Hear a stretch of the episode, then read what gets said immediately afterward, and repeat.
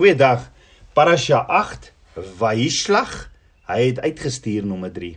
Ons het gesien die eerste rede hoekom Yeshua deur 'n sware stryd van vrees en doodsbenoudheid gegaan het was omdat Yeshua mens was.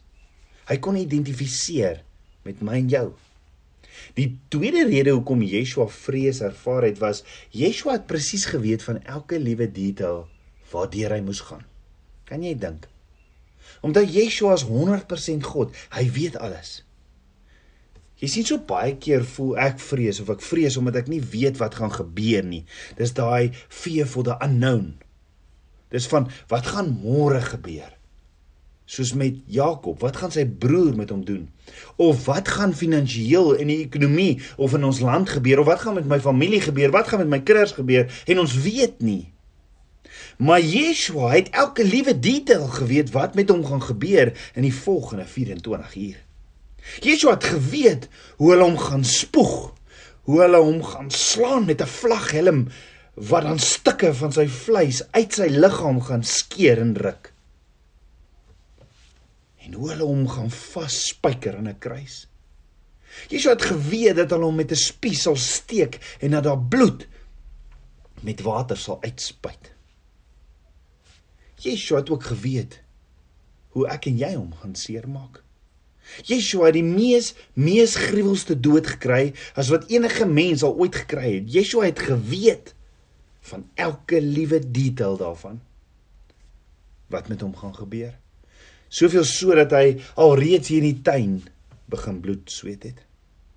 Maar Yeshua wat al hierdie vrees van die wêreld op hom vat, my en jou vrees op hom vat, wat al my en jou vrees op sy skouers sit. Nader Abba Vader in gebed soos wat Jakob ook gedoen het. Ja Yeshua val op sy knie in die tuin van Getsemane wat ons weet beteken olifpres en hy nader Papa God. Maar onthou ook gou Yeshua is die een wat lewendig wat wat iemand uit die dood uit lewendig gemaak het met drie woorde. Hy het gesê Lazarus, staan op. Yeshua is die seun van Abba Vader. Yeshua hoef nie twee keer te gebid het vir enige iets nie.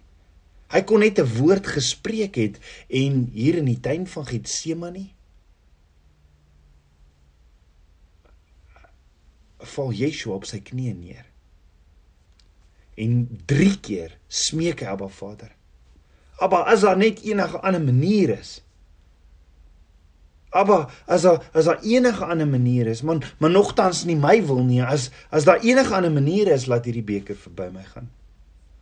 Nou Petrus, Johannes en Jakobus was 'n klip gooi van hom af. Maar het Yeshua duidelik hulle het duidelik gehoor hoe Yeshua bid. Yeshua het geweet, Yeshua het geweet wat gaan gebeur alhoewel Yeshua se binnekring nie presies geweet het wat in die volgende 24 uur gaan gebeur nie. Dan die derde rede hoekom Yeshua vrees ervaar het was Yeshua was 'n volskaalse aanval deur die vyand. Onthou, vrees kom net van die duiwel af. Want vrees is nie 'n ding nie, dit is dit is iemand en dis en en en, en die vyand loop rond om te steel, te slag en te verwoes en hy het geen genade nie. Hoor gou wat sê Hebreërs 2 vers 14 tot 15. Aangesien die kinders dan vlees en bloed deelagtig is, het hy dit ook op dieselfde manier deelagtig geword. Yeshua het op dieselfde manier deelagtig geword deur vlees en bloed, nê, nee, sodat hy deur die dood hom tot niet kon maak wat mag oor die dood het. Dit is die duiwel en almal kon bevry. Ja Yeshua kon almal bevry wat hulle hele lewe lank uit vrees vir die dood van slawerny onderworpe was. Met ander woorde, alle vrees lei tot die uiteindelike vrees van dood. So as jy sê ek is bang vir spinnekoppe. Nee, jy is nie. Jy's bang jy word gebyt en jy gaan dood. Of jy sê ek is bang vir slange. Jy het nie 'n vrees vir slange nie. Jy's jy's bang jy word gebyt en jy gaan dood. Dink daaroor. As jy dink aan al jou vrese, wat jy al gehad het, kom al jou vrese by die uiteindelike vrees vir dood. En hoe groot leen is dit nie van die vyand nie. Jakob se vrees was ook vir Esau wat hom gaan doodmaak. Jy sien die vyand bring vrees oor dood, maar maar Yeshua sê vir Maria en Martha in Johannes 11 vers 25: Ek is die opstanding en die lewe, wie in my glo, sal lewe al het hy ook gesterwe. Ek herhaal, wie in my glo, sal lewe al het hy ook gesterwe. Jy sien my en jou gees gaan nooit doodgaan nie. Ons liggame sal dalk doodgaan, maar nooit ons gees nie. Maar let wel, as jy vandag doodgaan, gaan Yeshua as hy kom om ons te haal, gaan ons liggame weer reunite of verenig met ons gees. So besef jy dat die oomblik wat jou oë toe gaan op aarde, gaan dit oop in die hemel. Die oomblik as jy jou laaste asem haal hier op aarde, haal jy jou eerste asem in die hemel. Met ander woorde, dis 'n trek van 'n van 'n tentwoning sê Paulus na 'n ewige woning. En weet jy hoekom sal jy nooit doodgaan nie? Jy sal nooit doodgaan nie want Yeshua sit in die tuin van Getsemane en weet hy gaan die prys betaal. Hy gaan die dood oorwin. Daarom as die duiwel kom om jou vrees om kom met vrees met die dood is dit alleen. Jy sien vrees is 'n gees vanuit die hel en hierdie gees kom om ons 'n negatiewe vooruitsig te gee van die toekoms en probeer ons kry om 'n vreesbevange besluit te maak wat Abba Vader nie sal respekteer nie. Geloof aan die ander kant is van die gees van Abba Vader om vir ons 'n positiewe uitkyk te gee oor die toekoms. So dan maak ons 'n besluit op geloof wat Abba Vader respekteer. Die duiwel kom deur sy asem van vrees en wil graag stop dit wat Abba Vader se plan vir jou lewe of toekoms is en Abba Vader se woord sê sy drome oor jou is soveel soos die sandkorrels op die aarde. Abba Vader sê in Jeremia 29 vers 11 want ek weet watter gedagtes ek gaan aangaande julle koester spreek die Here gedagtes van vrede en nie onheil nie om julle 'n hoopvolle toekoms te gee. Dis nie Vader se wil om vir jou toekoms van onheil te gee nie. Nee, dis die vyand. So vrees kom om die droom met 'n toekoms vir jou lewe te stop, maar Yeshua het reageer bo sy vrees en so betaal sodat die vyand ons nie stop om die droom met 'n toekoms te leef nie. Hoor gou-gou. Yeshua het vrees gevoel, maar hy het nie toegelaat dat dit sy droom stop wat Abba Vader, Abba Vader se wil wat Abba Vader se wil was vir hom nie. Van die begin af was dit Abba Vader se verlossingsplan en Yeshua het reageer bo sy vrees. Jy sien vrees verwag die duiwel om te beweeg en geloof verwag Abba Vader om te beweeg. En die vraag is wie kies jy? Want ek en jy het 'n keuse. Ons kan ons oë op die duiwel sit of op Abba Vader.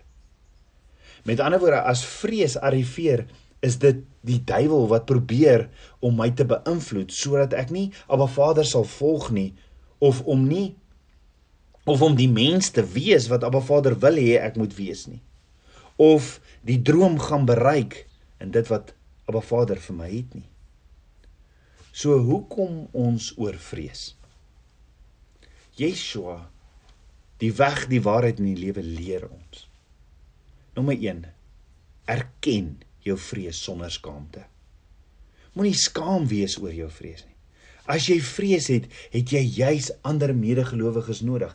Yeshua, die seun van God. Hy het vrees. Hy was nie skaam om vir sy disipel te sê, hierdie is die tyd, hierdie is die uur van versoeking, kom, laat ons bid nie. Moet dit nie vir jouself hou as jy in vrees is nie, want Yeshua het ook nie. Yeshua het na sy drie disippels toe geloop en gesê: "Bid en waak, die versoeking is baie groot." As Yeshua vir ander vra om te bid en te waak, hoeveel te meer moet ons nie ook vir mekaar bid en saam waak as tye kom van vrees nie. Jy sien ons vrese sal nie weggaan as ons dit nie in die lig bring nie. En dis presies wat Yeshua gedoen het.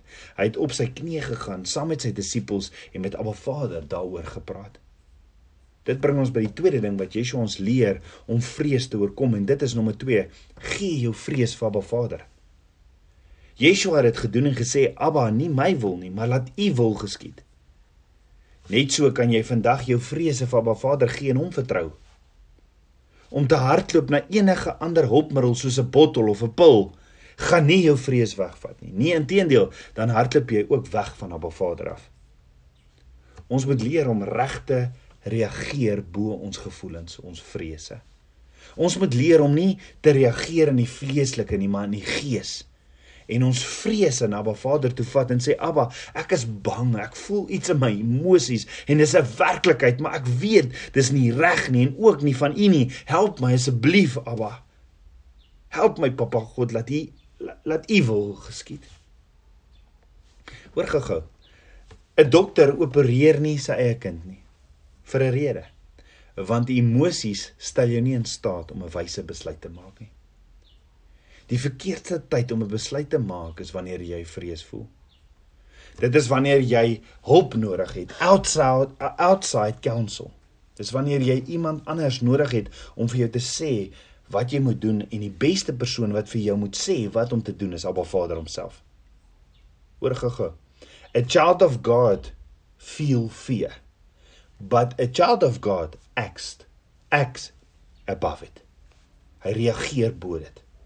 Die derde ding wat ons by Yeshua leer om om vrees te oorkom is nommer 3. Fokus op Abba Vader se alomteenwoordigheid en sy liefde. Die vyand sal alles sal alles doen en hy sal altyd 'n reus van vrees voor jou kom sit as Abba Vader vir jou 'n droom het. Maar agter die reus van vrees is die belofte is die beloofde land. Gou-gou, toe Abba Vader vir jou die droom gegee het, hierdie beloofde land, net daar was die reus van vrees reeds gewen. Al wat jy net nodig het om te doen is om te reageer op die woord van Abba Vader. Kyk maar na Gideon, kyk maar na Dawid, kyk maar na na Jakob. Abba Vader sê vir hom, gaan terug na jou land toe. Hoekom hulle Hoekom het al hierdie ouens opgestaan ten spyte van hulle vrees. Hoekom het Jakob opgestaan ten spyte van sy vrees? Want Abba Vader het sy beskerming gelig by die vyand. En hulle almal het reageer, oorgegaan tot aksie. As Abba Vader vir ons is, wie kan teen ons wees? So tabernakelskind van Abba, verstaan jy hoekom kom val die vyand jou aan met vrees?